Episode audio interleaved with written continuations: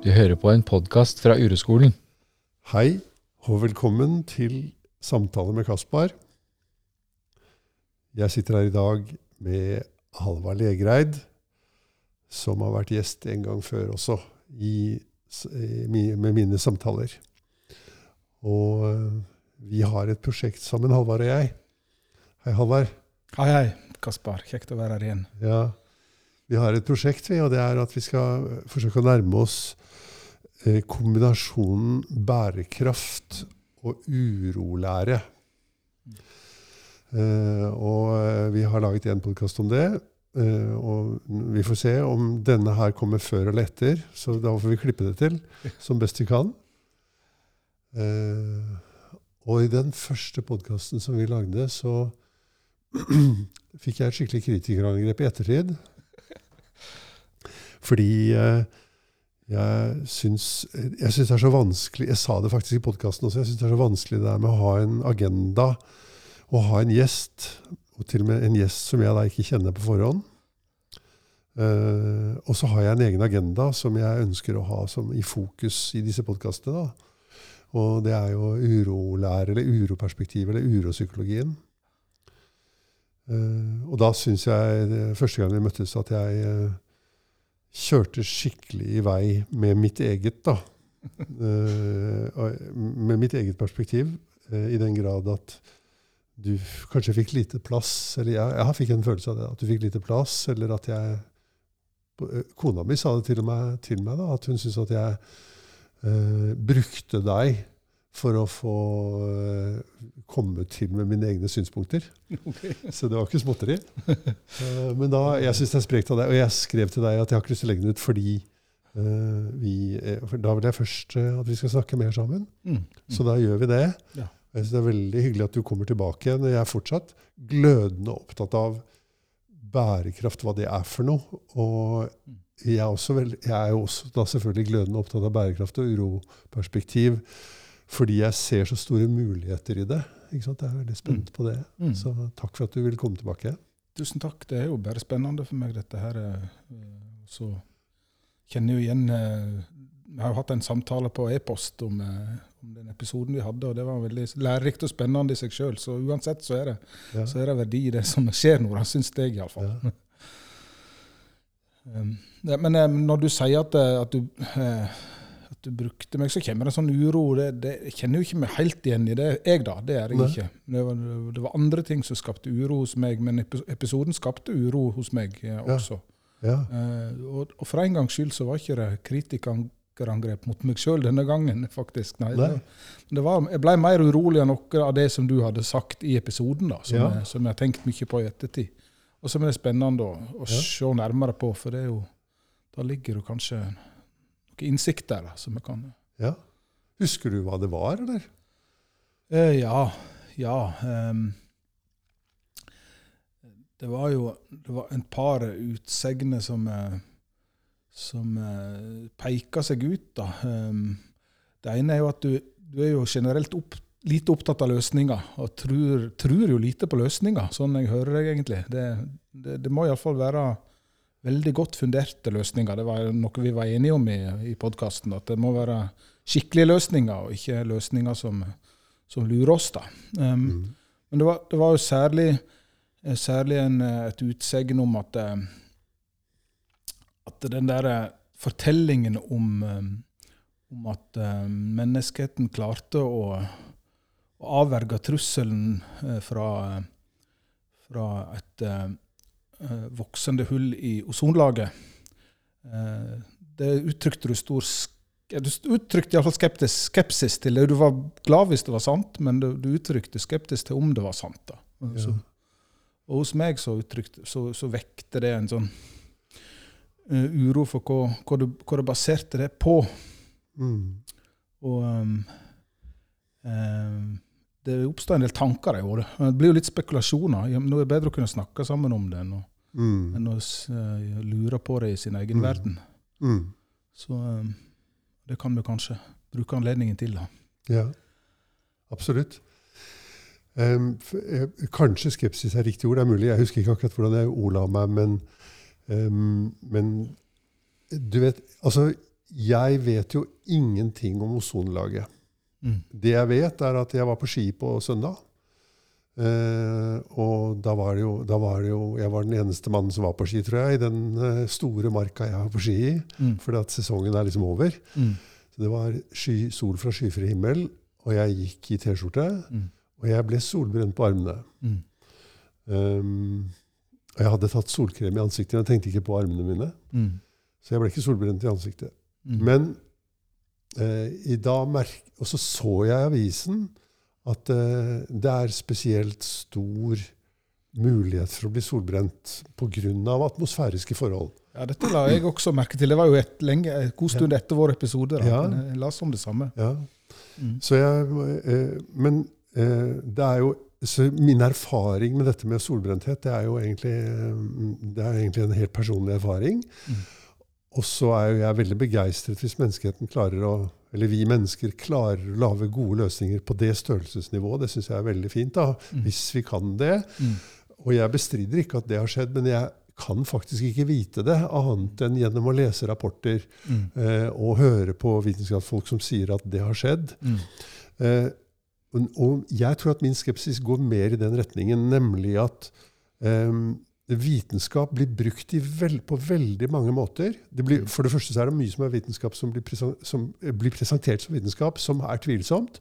Og for det andre så er det, blir vitenskap brukt ofte eh, på måter som er lite etterrettelige.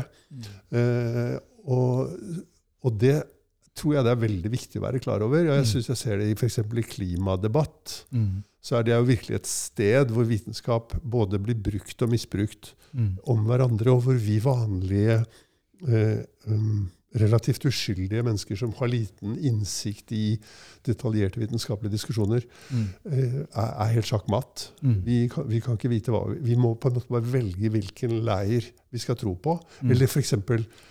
Eh, hvis du tenker på en sånn ting som vaksineskepsis og vaksinespørsmål. Mm. Og I sånne, sånne ting så har jeg for mitt eget vedkommende så tenker jeg bare jeg er nødt til å ta en posisjon selv, og det er mitt helt og holdent mitt ansvar hvilken posisjon jeg tar. Mm. Og da velger jeg å ta vaksiner. Mm. Mm. Og jeg, ikke, jeg vet jo at vaksiner kan ha alvorlige Mm. eh, bivirkninger. Og at, eh, og at det er mm, utydelig, ofte kla, uklart, um, dobbelt det er, um, det er vanskelig å være sikker på det med vaksiner for oss vanlige folk. da. Mm. Ja. Så jeg må stole på noen folk, og da, stole, da har jeg valgt å stole på de. Ja. Men jeg ser jo også at det er en risiko ved det. Mm. Og nå er det jo ikke noe, for noe risiko ved å stole på de som uh, hevder at ozonlaget er under bedring. For det er vel det man hevder, da, at det er en langsom Ja. helbredelse? er det ikke det? Mm. Det er sånn jeg har forstått deg også. Ja. At, men jeg kan jo lite like om det. Like lite om deg som deg. Det, Ja. eh, men dette er jo en veldig god forklaring du gir nå, syns jeg. Dette, og det du sa nå, kan jeg vel sånn, slutte meg helt til. Men jeg, jeg tror kanskje at, at grunnen til at dette vekter uro hos meg, er at jeg har fulgt, fulgt podkastene dine over lengre tid og, og hørt uh, mange episoder. Og, og der er en av og til inne på dette med, med vitenskap, og han er inne på andre, andre fagområder og andre Ja. fagfolk og sånt. da. Og jeg har hørt deg uttrykke skepsis til, Mm. til fagfolk tidligere. Så for meg så, så, så ble det sånn Det gikk inn i et mønster, et bilde, da, Ja. som jeg kjente igjen. da, Og det, det trigga en del sånne tanker og uro hos meg. For jeg, jeg er opplært eh, og jobber i et system eksempel, der, der vi skal være veldig trygge på det vi går ut med. ikke sant? Dette skal ut på eteren, og da, da, da er det sånn det bryter med mine Å ikke være sikker på, ikke, på, på, på Ja. det en går ut med av budskap, da. Det, Mm. det bryter med sånn jeg er vant til å jobbe. Men det er jo litt spennende. Nå kan vi ta en episode til, og så, så står ikke den, den ene igjen alene. Og det, det er jo en fin måte å jobbe på da, tenker jeg da. Men det, det ligger fint å få an anledningen til å brette det litt mer ut. Men det, jeg vet ikke om du kjenner deg igjen det sjøl, at, eh, at eh, psykologi, psykiatri f.eks., det er fagområder som, eh, som jeg hører ja, kritiske bemerkninger rundt relativt ofte. da. Fra meg? Ja. Ja, det, det er ikke noe problem med å kjenne igjen. Nei, ikke sant? Nei. Nei. Jeg har det. Jeg, jeg, jeg er på en måte en fyr som er ganske skuffet over uh, vitenskapen innenfor dette området. da. Uh, eh, eller skuffet. Jeg, ser, jeg syns ikke at den har så veldig mye å fare med, og jeg syns det er veldig interessant og for så vidt ganske enkelt og litt, litt sjokkerende å følge med på debatt f.eks. rundt behandling av barn med urolidelser som ADHD. Hvor to personer fra samme fagfelt som hevder å ha vitenskapen i ryggen, kommer til nøyaktig motsatt standpunkt. Mm. Um, eh, og det er jo ikke sant, det, da, Ja, men hva skal vi gjøre da? Mm. Og da uh, syns For meg så er det jo f.eks. klart at uh, man kan nok si at uh, psykiatrien har vært nyttig for en del, um, og har gjort noe godt. Men den har utvilsomt gjort veldig mye vondt.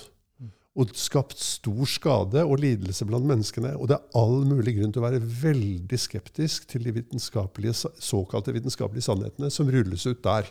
Mm. Eh, og det jo, finnes jo andre grunner til det også, som man på en måte kan ha, ha i bakhodet samtidig. og Det er at det er så store penger involvert i medisinering av mennesker for atferdslidelser Mm. eh, og for psykiske lidelser. Da. Mm. Jeg savner en mer grunnleggende samtale på dette feltet som er mer sånn Er det i det hele tatt nyttig å kalle noe for psykisk sykdom eller mentale lidelser så, for sykdom? Er det nyttig? Mm. Fordi det fins jo ikke vitenskap, det er ikke noe vitenskapelig belegg for at det er sykdom. Det kan det ikke finnes. Det er bare, det er bare eh, et navn Vi har bare fulgt en tradisjon hvor vi eh, så å si sier at eh, det som gjør vondt, gjør vondt fordi det er noe galt et sted. Og det som er galt, er da inni hjernen eller nervesystemet eller det psykiske eller det mentale eller det sjelelige. Og jeg vil stille et stort spørsmål på om det er nyttig å kalle det for sykdom, det at vi har vondt i sjelen, eller vondt, at vi har vonde følelser inni oss. Mm. Ja, nå er vi inne på, på noe av det som, som jeg, jeg må innrømme at jeg har tenkt mye på siden jeg begynte å høre på deg. og Det, det handler litt om at, at du er utrolig flink til å, til å formulere deg klart og tydelig, eh, og på en måte som, som, vi alle kan forstå. Og det er ikke alltid vitenskapsfolk eh, er det, så det er noe jeg setter, pris, setter veldig høyt sjøl. Og, og, og, og, de ordene du bruker, de klarer ikke, iallfall ikke jeg å det, det, det, gir gjenklang hos meg også. Men det som, som gjør at Ut fra min erfaring, da, det er jo bare min erfaring en kan snakke fra. Og jeg har selv en mor som var psykolog, f.eks. Jeg har nok, må innrømme at jeg har vært til noen sjøl. Og, og den, den, måten du snakker om, ja. om, om, uh, om psykologer på litt konsekvent, da. Så det, du skiller ikke mellom psykologer heller. For det, Mm. det er ikke sant. Det, det er ikke, iallfall ikke min erfaring at det er sant. At alle psykologer ser på det å ha det vondt som, som psykisk sykdom. Det er åpenbart ikke sant at alle gjør det. Nei.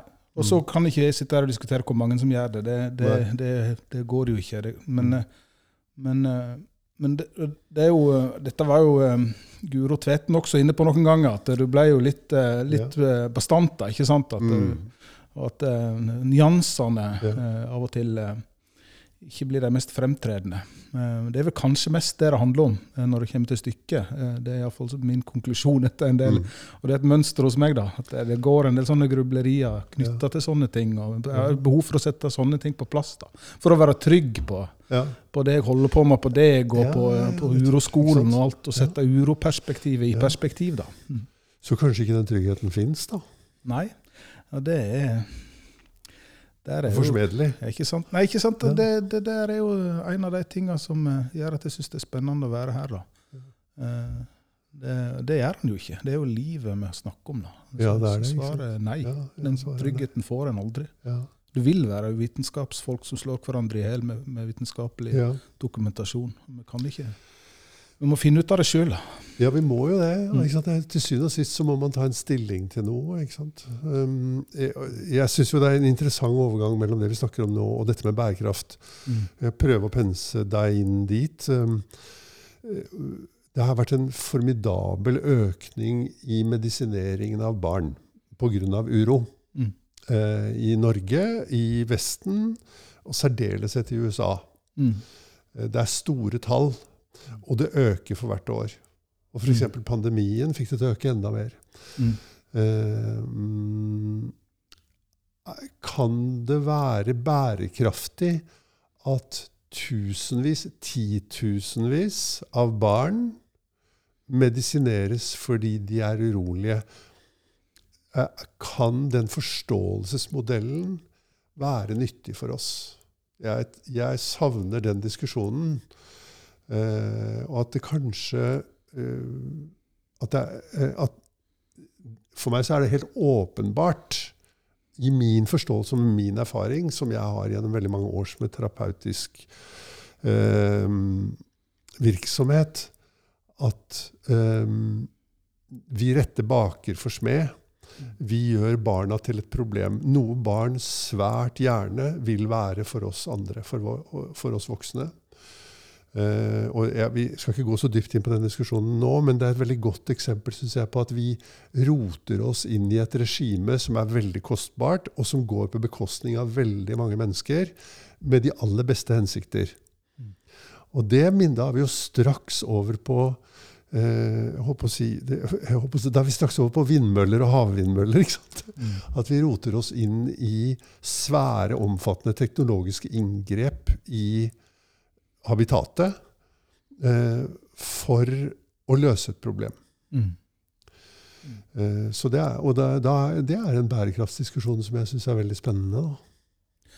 Ja, flere ting ved det du sa nå jeg kunne eh, eh, gå inn på. Det første er kanskje at jeg kjenner jo igjen eh, skepsisen.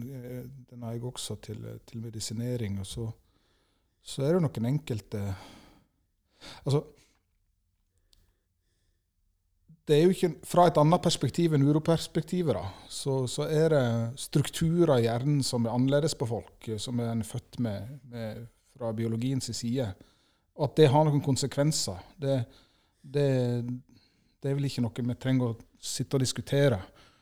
Og så spørsmålet hva det betyr. da. Og da, da, da var det jo en, eh, en artikkel i Klassekampen i, var det denne helga eller forrige helg, der, der det var fagfolk som sjøl gikk ut og var bekymra for, Mm. for økningen i diagnoser. Så at du er inne på noe sentralt der, Mm. det, det tror jeg.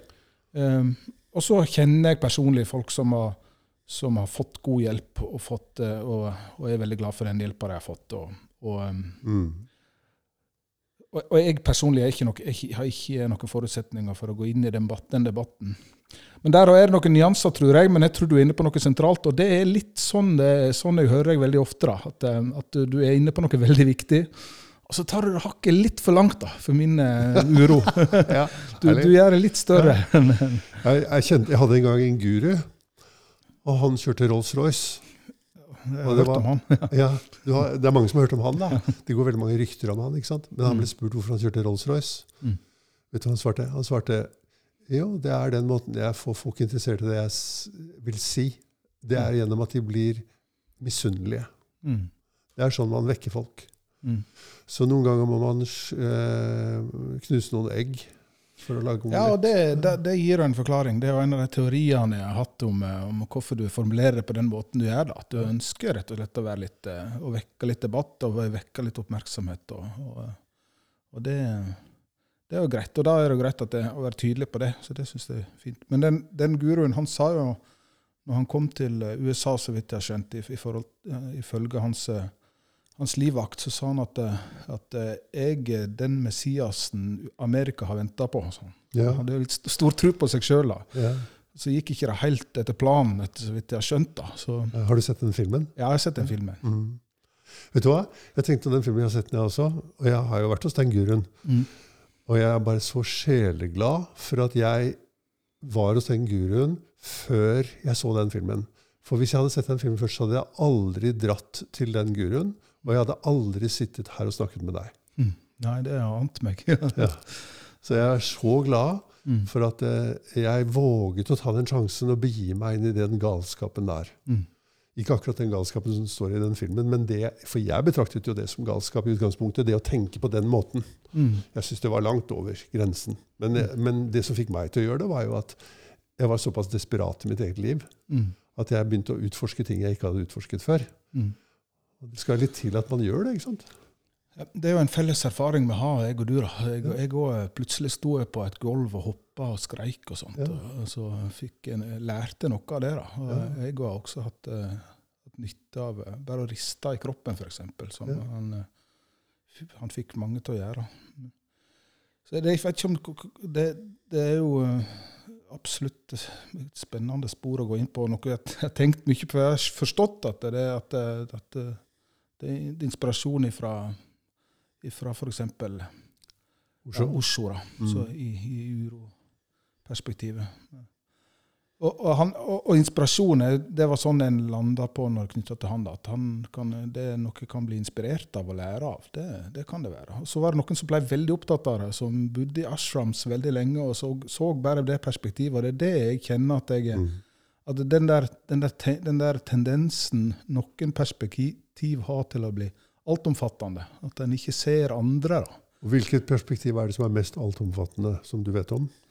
Oi, det var et vanskelig spørsmål. Men, Nei, det er et veldig enkelt spørsmål. Det er the common sense perspective. mm, mm, Det, er overs det overskygger alt annet. mm, Det er det perspektivet som kunne få meg til å ikke gjøre noe nytt. mm, Ikke sant? Vær forsiktig med å gjøre noe nytt. mm, Hold deg ikke sant? Du skal være på bufast all din tid, ikke sant? som Vesaas skrev da. mm, At du ikke tar sjansen på å gjøre noe nytt. Så jeg tror jo at det, det er veldig relevant i forhold til mm, hva vi mennesker finner på i verden. Det er Våger vi å tenke annerledes? Våger vi å prøve noe nytt?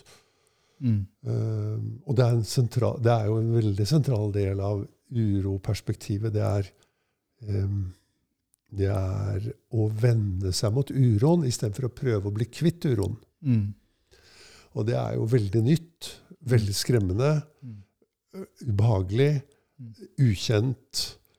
Hele nervesystemet og hele tenkningen stritter imot. ikke sant? Sier ja, men hva får jeg hvis jeg gjør dette? Den begynner med en gang med et Mm. slags Ja. resonnement. Akkurat Mm. som hva får jeg hvis jeg står på et gulv og hopper opp og ned i en halvtime? liksom? Mm, Vi vil vite det på forhånd. Har en slags garanti før vi går inn der. da. mm, mm. Ja, da. Jeg, så jeg, jeg, er veldig enig med deg i at det finnes mye fanatisme rundt omkring. Mm. Eh, I sekter og alt mulig sånn. Men det finnes også eh, et stort behov for nytenkning Mm, i verden mm, knyttet til eh, hva skal jeg si jeg, er egentlig, Vet du hva, jeg er egentlig mer opptatt av naturødeleggelse enn av klimaendringer. mm. Jeg syns det er Det er faktisk jeg blitt etter hvert. ja, mer spennende å snakke om, og vi kan vite mye mer om det, for det er så lett å observere i vårt eget liv. Mm. Mm. Eh, Sånn som jeg, jeg å- eh, Får jeg lov til å fortelle deg om noe Ja. som er i den sammenhengen? da? Jeg har en, eh, en hytte på Sørlandet Mm. som jeg har arvet, Mm. Eh, som ligger ved sjøen eh, i Risør kommune. Mm. Eh, og veldig, veldig deilig sted. Mm. Um, der, jeg har vært der siden jeg var liten gutt. Mm. Um, og eh, gjennom hele året, egentlig, men aller Mm. mest om somrene. Mm. Uh, å se endringene i naturforholdene der, Mm. det er, en, det, er veldig, det er rett og slett en påkjenning. Mm. Um, og det er på, på på alle nivåer. Mm. Eh, for eksempel, altså sånn, eh, det er kjent for mine lyttere at jeg er opptatt av fugler. Og tilbakegangen i fuglebestanden der nede, den er helt, den er helt dramatisk. Mm. Den er ekstrem. Det, var, det er en holme rett utenfor som er sånn hekkeplass for måker og sjøfugler. Mm. Um, altså Det er jo mange holmer med noen hekkeplasser på, men det er én holme som er fredet for det. Uh, og jeg kan tenke meg at bestanden der er redusert med Jeg vil jo tippe bare sånn anslagsvis 90 da. Mm. Eh, så det er veldig lett å merke ikke sant? at det er Mm. stille. Du ser bare av og til en fugl, liksom, en sjøfugl. Um, når jeg vokste opp der, så har vi jo levd av fisk. Og da er jo ikke det en sånn rovfisk, akkurat, men det er stangfiske. Mm. Og da jeg kom dit, så var det jo ingen problem med å gå ned i bukten nedenfor hytta og Mm. kaste ut et snøre og få middag. Mm. Det kunne man gjøre hver kveld. Mm. Eh, og nå får ikke, Du får ikke fisk på stangen. Du får noen små greier, liksom, Mm. mm, som jeg på en måte vil anse som yngel, nesten. Mm. Altså småfisk. Ja. Eh, du kunne gå i sjøen og hente blåskjell. Mm. Det finnes ikke blåskjell.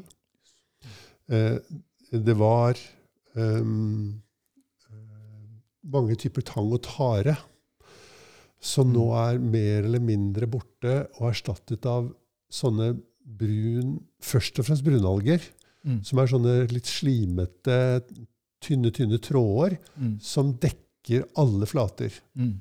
Det, jeg håper å si, fra båter til badetrapper, til svaberg, til steiner, til skjell, Mm. til alt. Mm. Mm. Så det er en sånn eh, Det er jo da 60 år siden jeg kom dit. Eh, Og i løpet av den tiden så er det en det er en garantert mye større endring i habitatet, altså i, i flora og fauna, Mm. enn det som har skjedd på mange, mange hundre år, de mange hundre år før det. Mm. Mm. Og det er For meg så er det Det gjør jo vondt. Mm. Eh, er- Det er skremmende, og det gjør vondt. Og jeg har oppdaget at jeg er veldig imot det. Ja. At jeg tror at det er feil at det er sånn. Ja, da er vi inne på den andre tingen som jeg ble jo litt urolig nå. Du var ikke opptatt av, av, å redde um, natur eller men, Verden. verden altså, naturen ordna seg sjøl, det var vel det vi ble enige om etter hvert. Men, Ja. men at, eh, at menneskeheten skal skal eh, Du var mer opptatt av å utvikle menneskesinnet enn enn, enn å ta vare på naturen. Eh, Det var sånn jeg husker det ble kanskje formulert på en annen måte. men Nei, omtrent det, Sånn, ja. Jeg er jo veldig opptatt av Jeg Mm. tror bare at det er slik at det ene er årsak og det andre er virkning her, og at hvis vi utvikler menneskesinnet, så vil vi ta vare på naturen også. Mm. Og så er det det at jeg ser jo at det å ta vare på naturen, det er en veldig det, det er, Vi er jo helt handlingslammet. Vi står og ser på sjøen utenfor hytta og ser at alt er forandret. Mm. Fisken er borte, fuglene er borte, skjellene er borte. Mm. Eh, og mange av småfuglene er borte. Mm. Eh, og jeg kan ikke gjøre noen ting med det. Mm. Men jeg kan gjøre noen ting med mitt eget sinn, og jeg kan hjelpe andre mennesker, viser det seg også, til å skjønne hva det er jeg driver med i livet mitt. Mm. For jeg i mitt personlige liv også havner i selvdestruktive mønstre, eller mønstre som ødelegger livet mitt. Mm. Jeg òg. Ikke sant? Altså, jeg har jo erfart det i veldig stor grad, at jeg har gjort det. Og jeg, mange, mange mennesker som kommer til meg, eller alle mennesker som kommer til meg, de kommer jo egentlig med det samme. Mm. Uh, og at det er det samme, sånn som jeg ser det, så er det det samme uh, i stor og liten skala. da. Det er et individuelt problem, men det er også et kollektivt problem. Kanskje det er et artsproblem for menneskene at vi forholder oss slik til den virkeligheten vi er i, at vi ender opp med å ødelegge den. Mm. Og det er ikke fordi vi har intensjon om å ødelegge den. Mm. Nei. Nei. Um, det som er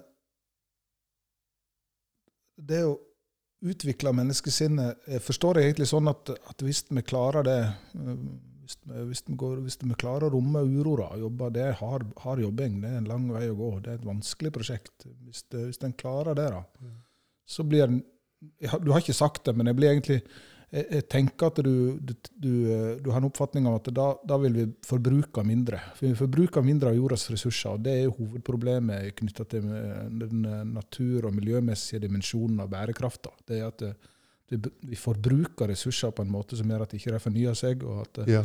at eh, den eh, ressursbasen som natur og miljø er, den, den, den fornyer ikke seg. Den, blir ikke, den, går ikke inn igjen i kretsløpet, men, men eh, tar Ja. slutt. da. Det, ja, nettopp. Er det, er Hypotesen din er at hvis vi alle klarte å romme uro, så hadde ikke vi brukt opp ressursene. Er det, er det, så, er det riktig Ja. hørt, eller? Men jeg vil gjerne, jeg vil gjerne gå veien Jeg vil veldig gjerne snakke om det. Og jeg, jeg, hypotesen er litt Den har ett ledd til. For den er når vi rommer uro, altså når vi ikke handler på uro, når vi isteden um, rommer altså Det vil si at vi er sammen med følelsene i kroppen vår, Mm. så skjer det noe med oss. Og det som skjer med oss, det kaller jeg at vi får kontakt med ressurser. Mm. Og når vi får kontakt med de ressursene, de er sånne ting som intelligens og kreativitet Mm. og ro og humor og medfølelse og interesse og kraft og mot. Mm. Og det er alle de tingene som hører til det å være et menneske, egentlig. Mm. Og som vi har, alle sammen har i mer eller mindre grad. Det er bare at vi, føler, vi i vårt liv opplever jo det som begrenset i oss selv. Mm. Og jeg tror, for meg så ser det ut som det er helt ubegrenset. Mm. At naturen er at det er helt ubegrenset, men at det som begrenser det i oss, er uroen. Mm. At vi når vi f.eks. skal være kreative, så møter vi vår egen uro, og så, får, og så setter det opp vegger i kreativiteten vår. Mm. Sånn at ikke vi kan transcendere de veggene. da. Vi kan ikke overskride hva vi har skapt tidligere. Og istedenfor å overskride det vi har skapt tidligere, ved de veggene, så gjentar vi det vi har skapt tidligere. Sånn at jeg tror vår evne til å bruke og anvende jordens og naturens ressurser på en ansvarlig måte, kanskje bærekraftig måte Jeg er ikke sikker på om det går an engang, men Mm. kanskje ansvarlig, da. Mm. Det er jo åpenbart at det går an å gjøre det mer ansvarlig enn vi gjør det i dag. i hvert fall. Mm. Eh, at det har en sammenheng med den tilgangen til ressurser i oss selv, hvor vi, eh, hvor vi blir i stand til å tenke nye tanker, f.eks., Mm. som vi ikke har tenkt før. Mm. Og det er jo åpenbart at vi trenger det, Mm. å tenke nye tanker. Mm. Og at de tankene de kommer egentlig ikke til oss primært gjennom vitenskap. De kommer primært gjennom at vi lærer oss å tenke. Vi lærer oss hvordan skal vi bruke tenkningen som ressurs. Hvordan skal vi overskride den tenkningen vi har i dag? Eh, og du ser det er mange mange områder i livet, helt ned på sånn privatlivsnivå, hvor, ville, hvor vi ser at jeg havner oppi det samme mønsteret om igjen og om igjen. F.eks. i ekteskapsproblematikk er jo veldig sånn. Mm. Eh, altså at Folk i parforhold ender opp i konflikter med hverandre. Mm. Man klarer ikke å tenke annerledes. Man klarer ikke å handle annerledes. Mm. Og at veien til å handle annerledes går gjennom uroen. Mm. Og, når vi kan, eh, og, og hvis vi kan handle annerledes, så tror jeg at vi kan handle annerledes også når det gjelder hvordan vi tar vare på og rebruker og er ansvarlige overfor de gavene som vi har fått her på jorden, da, som er eh, naturen og dens ressurser. Jeg syns det du sier nå, er, noe som eh, du, vi kanskje kan eh, få fram enda, enda klarere og er verdt å understreke. Fordi at eh, veldig ofte i de podkastene jeg har hørt med deg, så, så, så problematiserer du verdien av tankene. Og det, det, det forstår jeg godt. Det er en del av den tenkningen vi holder på med. Som er, som er, ja, forrige episode så kalte du det ei elv full av skrot, en del av de tankene vi, vi har i hodet. Men det du sa nettopp, var det at vi kan utvikle vår evne til å tenke. Og det illustrerer at du er overhodet ikke imot tenkning. Det er ikke det det er snakk om. Men, eh, men det er kvaliteten på tenkningen. da. Ja, Og det, det, det syns jeg er litt uh, viktig å få fram. For jeg tror Ja. her kan det være noen misforståelser, kanskje. Ja. Jeg vet ikke. At, og tenkningen er jo en slik ressurs, da, og vi, Mm. så vidt vi kan se. da, Vi later jo som vi har oversikt, så vi sier det kanskje med ganske stor sikkerhet også, at det, det er bare mennesker som kan tenke i den grad på et så høyt nivå. Mm. Abstrahere Mm. på et så høyt nivå som vi kan. Eh, det ser sånn ut for meg også. Jeg vet ikke om noe annet vesen som kan det. Men, men at det fins solide muligheter for utvikling og forbedring Mm. I tenkningen til menneskene. Mm. Det ser vi jo, for det er så mye tenkning som er repetisjon av gammelt ræl, Ja. som vi resirkulerer, og som ikke løser noen problemer for oss. Nei. eh, og det har jo skjedd en del tenkning, tror jeg, siden du gikk til guruen Osho og, og sitte og snakke, lage podkaster. Så har du tenkt en del om, eh, om det som han og andre åndelige lærere helt sikkert har formidla, og ting du har lært og sett. eh. For det er no, noe av det som har vært vanskelig i møte med sånne lærere for meg, da, det er det språket som blir brukt, og, Ja. det, og den måten du har klart å formidle midler. En del av det som jeg merker at det her er det noe, men jeg vet ikke helt hva. hva. Mm. Det er noe av det som jeg har satt pris på med deg, at du har klart å sette ord på det på en veldig tydelig måte. da. Mm. Og da er det tenkning, tenker jeg, som har gjort deg i stand, og dialog og møte med folk som meg og andre, så, Mm. som har satt deg i stand til det. Ja. ja, det er jo altså I den grad det er sant, det du sier, så er det, er det jo alt jeg har gjort i livet da, som har gjort meg i stand til å snakke om ting på akkurat min måte, og som jeg oppdaget relativt sent i livet. At det, det kan være verdt å høre på. liksom, At det kan være, verdt for meg å utvikle det, og det kan være verdt for andre, å, å være i dialog med andre mennesker om det. Mm. Det er jo veldig givende for meg òg. Ja, Du sa i forrige episode at uh, ordet meditasjon det vil ikke du bruke noe særlig. Men uh, fordi at det skaper så mange uh, bilder i folks hoder, Og det skjønner jeg veldig godt. det kjenner jeg veldig godt igjen. Og Ja. det du, de ordene du bruker i stedet for, det, er- det er så enkle ord som 'hvordan er det å være', det 'hvordan kjennes det ut i kroppen'. Din veldig fysiske, enkle, klare ting å forholde seg til. da. ja. Så, um, så jeg eh, fikk en sjanse til å, å løfte fram nå at jeg eh, har satt pris på i det som jeg har hørt på knytta til deg. da. Men hva dette har med bærekraft å gjøre, det var vel litt det vi var enige om at vi skulle nøste litt og se eh, Ja. den forrige episoden. eh, Hva var det som skapte uro, egentlig, og så hva, hva kan vi lære av det? Um, det blir jo litt roligere her, kjenner jeg. Nå, eh, det, ja. Det kommer sikkert, forstår jeg litt mer. det kommer sikkert til å endre seg, Halvard. Ja, det er sikkert nok. Det gjør det i hvert fall for meg. Helt, ja, ikke sant? Ja. Ja. Men vi kan jo bare gjøre vårt beste. I Mm. øyeblikket, liksom, så ser vi det, Jeg syns det er så interessant i det hele tatt å lage noe, nesten hva det er. Mm. Eh, du vet Alf Prøysen. Jeg har vokst opp med Alf Prøysen. Han har vært et, et av mine forbilder i livet. Mm. Eh, og han var jo lyriker, eller poet. Mm. Eh, og han eh, Jeg syns han har gjort ting som for meg er helt geniale. Veldig rørende, veldig nære ting om det å være menneske. Mm. Og så eh, på et eller annet, en eller annen gang så var det han ble eh, konfrontert med et dikt om at det var noen som syntes et dikt han hadde skrevet som var veldig fint. Mm. Og så sier Alf Prøysen eh, Du vet, jeg ville ikke gjort det sånn nå. Mm. Mm.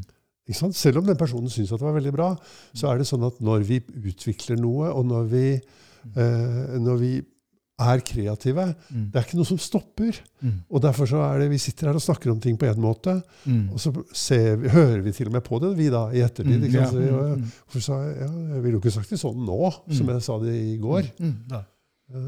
Jeg synes det er, Og det fins alltid nye muligheter. ikke sant? Mm. Og det er egentlig ikke noen grense for, hvor, for hvordan vi uttrykker oss.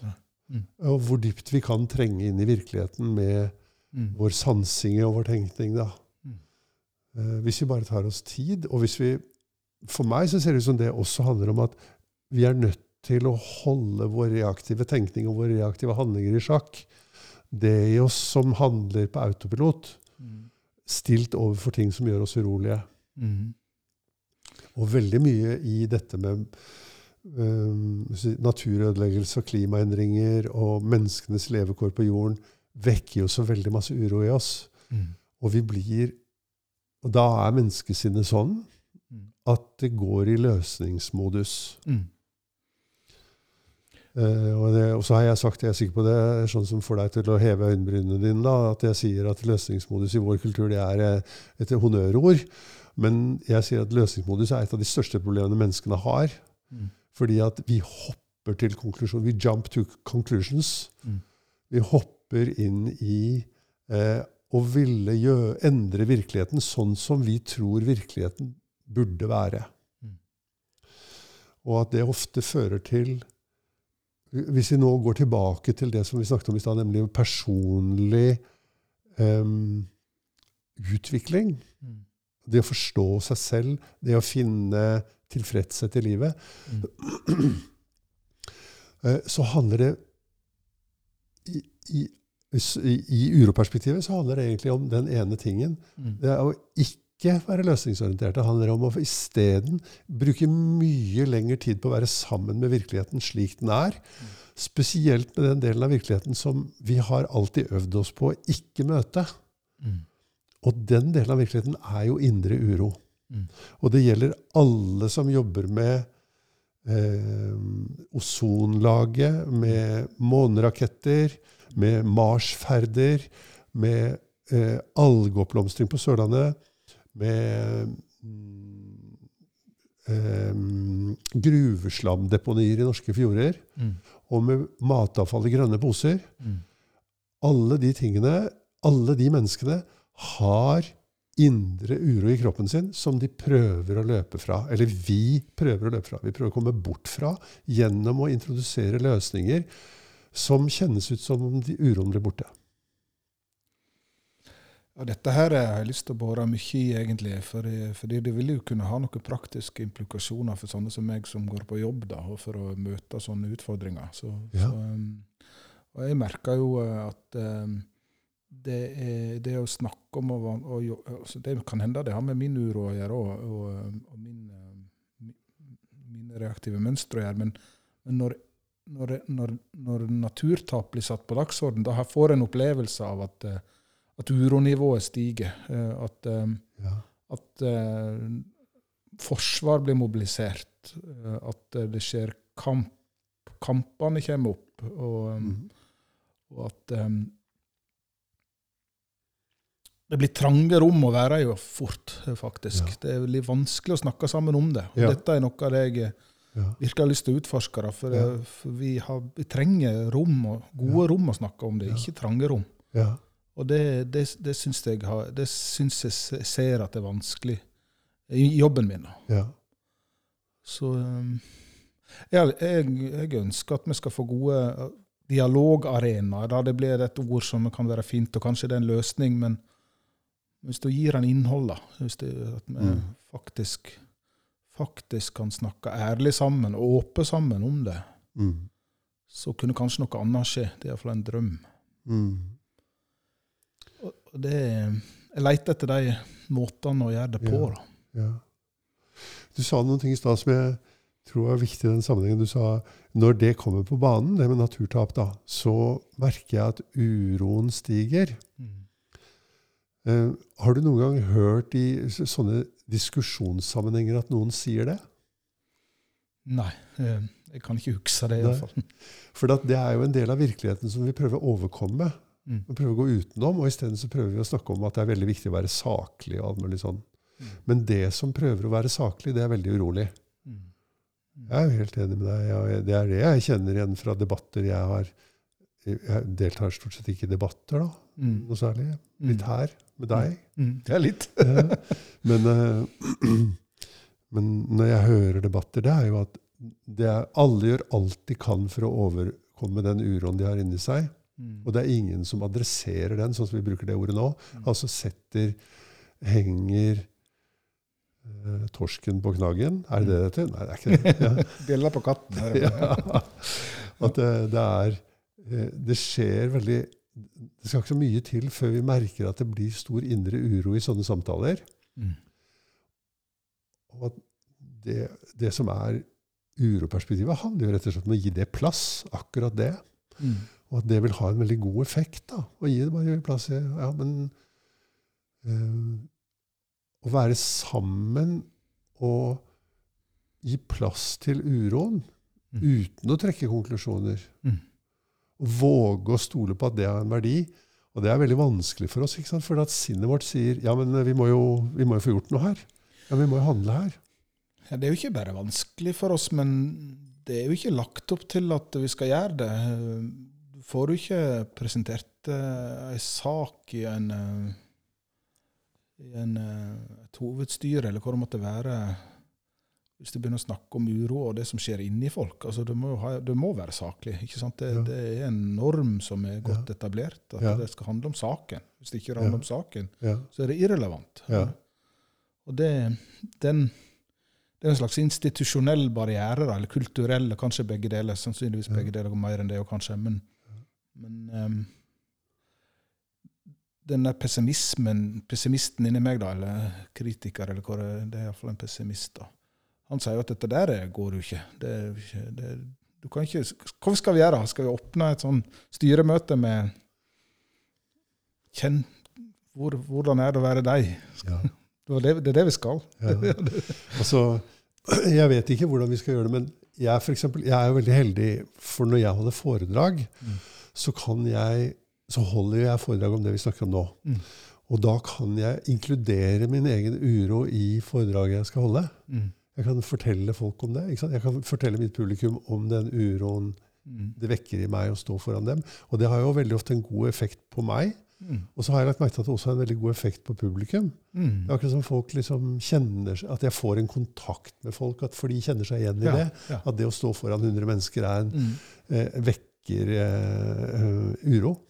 Det er et godt tips, for det er Ja. noen situasjoner der jeg kan være sjøl, og der jeg holder et foredrag og kan være litt åpen om eh, hvordan jeg ser på Ja. ting. Det, der, der er en mulig, eh, der er en inngang da, som er praktisk mulig. Så det, Det er jo en praktisk mulighet, og så er det, er det sant. mm, Og så er det også eh, sårbart. mm. Ja, det er det. Det, jeg, på den måten blottlegger jeg min sårbarhet. Mm. Og hvis det er noe som sinnet vårt ikke vil, så er det det. Mm. Sinnet vårt tror jo at de andre ikke er så sårbare som meg. Mm. Sinnet vårt tror at de andre ikke er så urolige som meg. Sinnet mitt tror at det er noe feil med meg som er så urolig. Mm. Parentes. Det er jo noe feil med alle de barna som er så urolige. Alvar. Mm. Mm. Parentes slutt. Eh, og det å venne seg At det tar sjansen på å, le, å blottlegge den sårbarheten, Mm. det er eh, eh, Det krever stort Det krever mot, da. Mm. For meg er det en veldig lang prosess å kunne gjøre det. Jeg vil ikke påstå at jeg er så flink til det heller, men jeg prøver å gjøre det. Mm, mm. Mm. Mm. Ja, Det det, der er det jo noe å utforske og jobbe med å sprenge litt eh, grenser. For har jeg gjort det en gang, så har jeg opplevd noe positivt ved det, så er det lettere Ja. å gjøre det en gang til. Det, Sannheten er at alle mennesker, som, spesielt folk som sitter i ansvarlige posisjoner når det gjelder det med naturtap og klima, at de bærer på et, de bærer på et stort ansvar, og de må være veldig urolige, fordi de vet ikke hva de skal gjøre. Det er noen som hevder at vi vet hva vi skal gjøre. mm. Det er jo en stor misforståelse. Det er jo bare ved å utelukke vesentlige deler av virkeligheten at vi kan hevde at vi vet hva vi skal gjøre. Ja, eh, det Og den delen er det vi snakket om akkurat nå, bare for å fullføre den setningen. den, Nemlig den delen som handler om hvordan får vi mennesker til å gjøre ting på nye måter, annerledes. Ja. Fordi hvis, hvis vi sier vi veit hvordan vi skal gjøre det, det er bare at ingen mennesker i hele verden gjør det. Hvordan får vi endra på det, da? Jeg hørte, Det er ikke så lenge siden jeg hørte um, en norsk fysiker som sitter i FNs klimapanel. Mhm. Du vet kanskje hvem det er? Samsett, sikkert. Ja. Mm. Som var i et program som heter Verdibørsen på NRK2. Mm. Eh, eller P2 heter vel det. Mm. Um, og Jeg kan ikke sitere det han sa, men han var veldig klar på at vi vet hva vi skal gjøre. Og han var også veldig klar på én ting, og det var at vi kommer til å få det til. Og, så, og når jeg hører på det, så tenker jeg han går langt utover sine fullmakter som forsker. Han vet ingenting om kommer, hva det betyr å få det til, og han vet ingenting om vi kommer til å få det til. Det er ikke vitenskap, det er synsing. Uh, og, og når han sier det, så utelukker han den delen som du og jeg snakker om. Ja, nå blir jeg rolig fordi at uh, Samset er ikke her. Han kan ikke svare for hva han har sagt og hva han tenkte om det. Men jeg har også hørt Samset. Og, Ja. og og, da hørte jeg en eh, ydmyk Samset som hadde sittet i uh, klimapanelet Mm. uh, og uh, ikke adressert natur. Og han, han, han snakka om hvordan det var mulig, altså at, at faktisk, FNs klimapanel var delt fra FNs naturpanel da, for, for noen år siden. Det er ikke det lenger. De jobber veldig tett sammen. Ja. Um, og det var noe Samset snakk om den gangen. At uh, sammenhengene har kommet opp på en helt annen måte nå enn før. Og Ja. han var veldig sånn uh, Ja, om ikke sjølkritisk, så iallfall erkjennende da, i forhold til det han hadde vært med på. Mm. Så her vil jeg jo få fram noen nyanser, altså, men det er ikke så nøye med Samsnes. Poenget Nei. ditt, poenget ditt Ja. er jo at, eh, at, eh, at skråsikkerhet i møte med sånne utfordringer, det har heller ikke jeg noe tro på. Eh, Det, um, og så er det nok bedre ting å Mm. gjøre enn andre ting. Sant? Og Mm. at noen har mer kunnskap om, om Mm. hva som skal til enn andre, det tror jeg også vi må anerkjenne. Hvis det ikke så blir det Altså det, det er en sånn grunnleggende Dette er jo litt liksom Det er jo helt sikkert det. Ja, du veit jo det. Noe Ja. er bedre enn noe annet. ikke sant? Ja. Det ikke så, Eller, eller jeg, jeg vet ikke om noe er bedre enn noe annet, men jeg vet at noen mennesker har mye mer kunnskap om visse ting. F.eks. han har veldig mye kunnskaper om hvordan mekanismene i atmosfæren og med klimaet sånn er. mm, mm, Og jeg, absolutt, jeg har stor respekt for den fyren, Mm. men jeg bare ser at i samtalen mm, vi har rundt eh, hva som skal til nå, så er det ett helt bestemt moment som alltid utelates, og det er menneskenes psykologi. Det er hva kan det komme av at vi, når vi vet hva vi burde gjøre, ikke gjør det vi burde gjøre.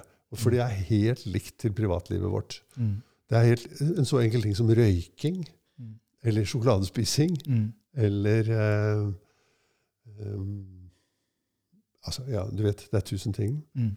som eh, Å spise riktig Alle de tingene, vet du. Mm.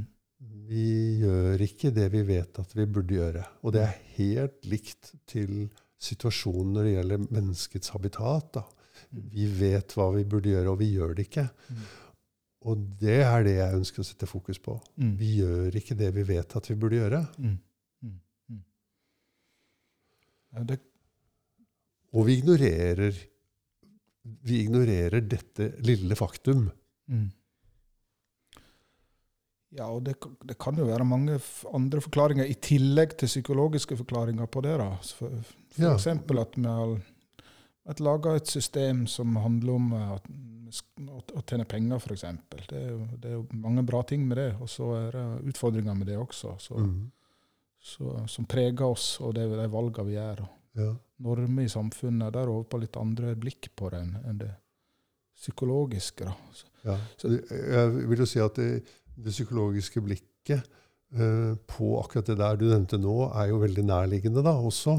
For det er, de går så inn i hverandre. ikke sant? Mm. Det med økonomisk tenkning og det med at penger som ikke er noe annet enn en idé, eh, blir det av, det, Denne ideen, som heter penger, blir avgjørende i nesten alt mennesket gjør. Hvorfor er det sånn? Mm. For det er jo ikke engang virkeligheten at pengene har verdien. Interessant. Det gjorde jeg. det. Så jeg, jeg syns jo det er all mulig grunn til å gå i denne retningen og se inn her og se på at uh, det foregår ting i menneskene som gjør at selv om vi vet veldig mye, så klarer vi ikke gjennomføre det vi vet. Og det er helt likt til privatlivet vårt. Mm. Uh, og derfor så um, Det er jo fint at vi ser overordnet på det, men vi burde kanskje se også underordnet i betydningen nedenifra og opp. Mm. Å gå inn i oss selv og se hva er det som hindrer meg i å leve sånn som jeg burde leve? Eller sånn som, hva er det som hindrer meg i å gjøre det jeg tror jeg burde gjøre? Mm. For det viser seg at jeg gjør ikke det jeg tror jeg burde gjøre. Mm.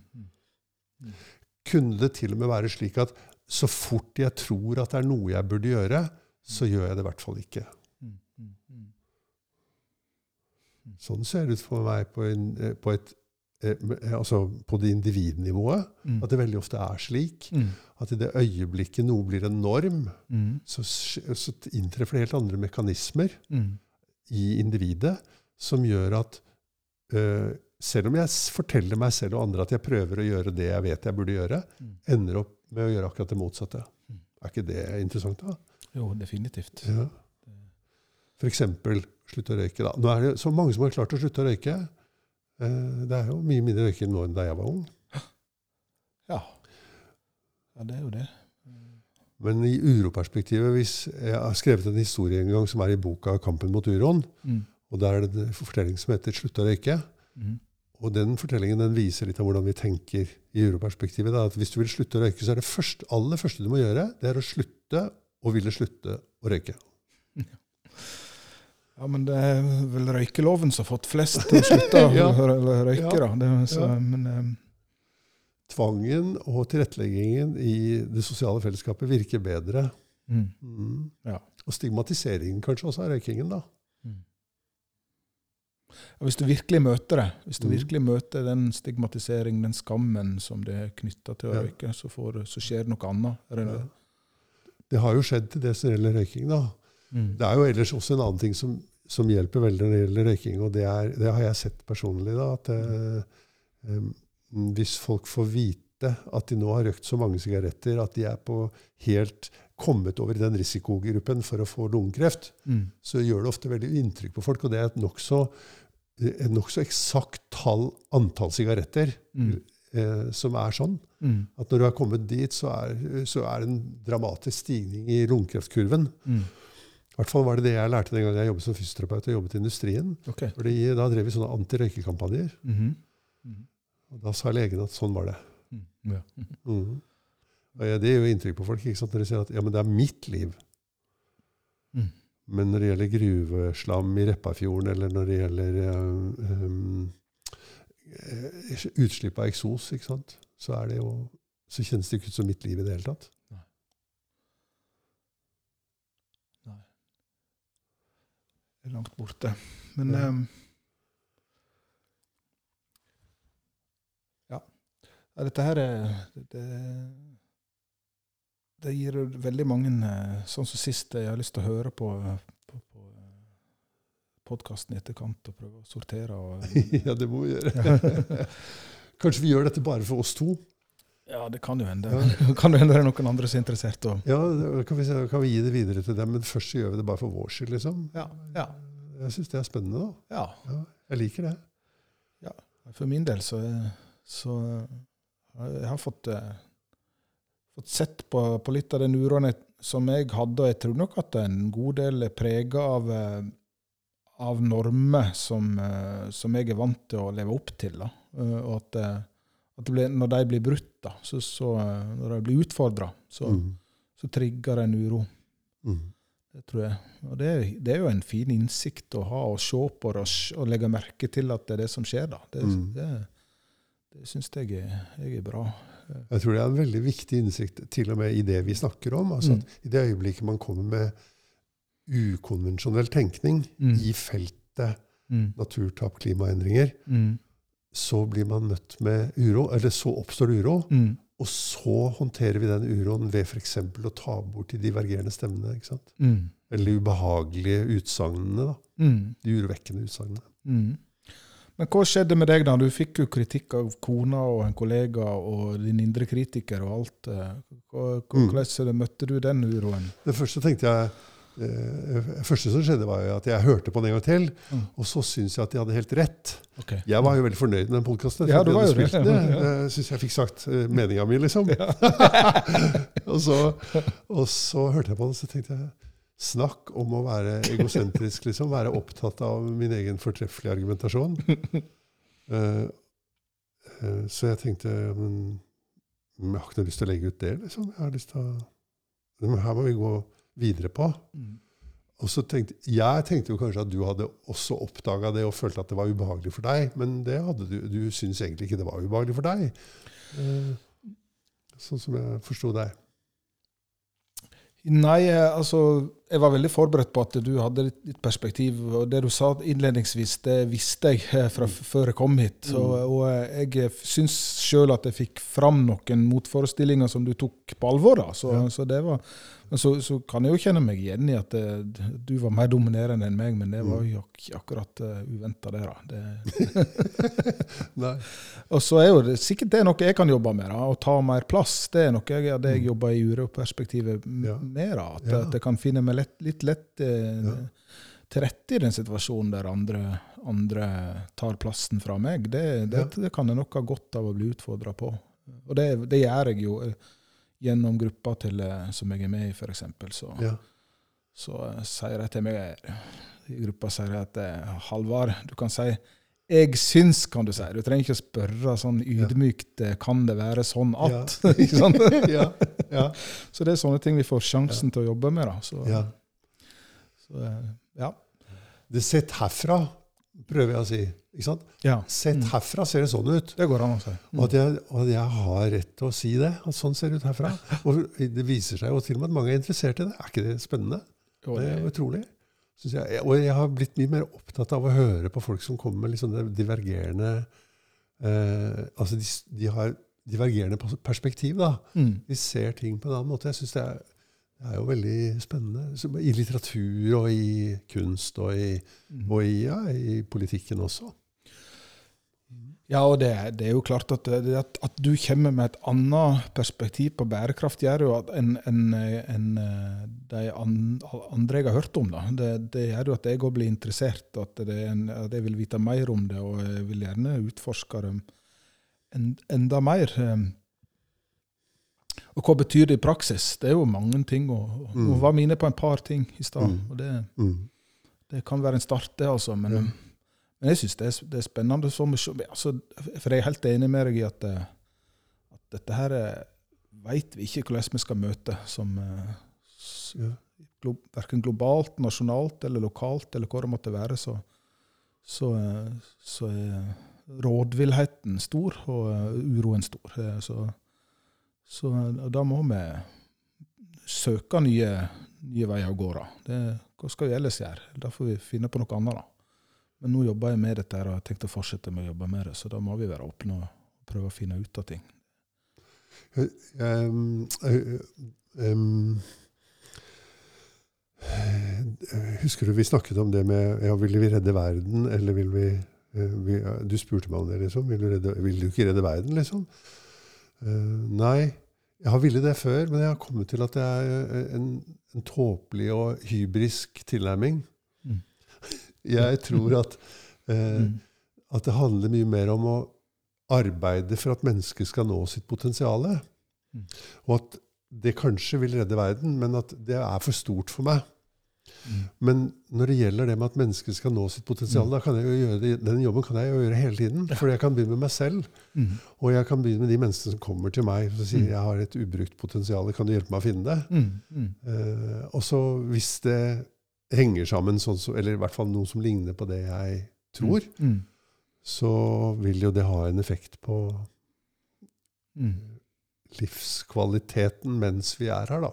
Mm. Istedenfor at vi trenger å evakuere til Mars.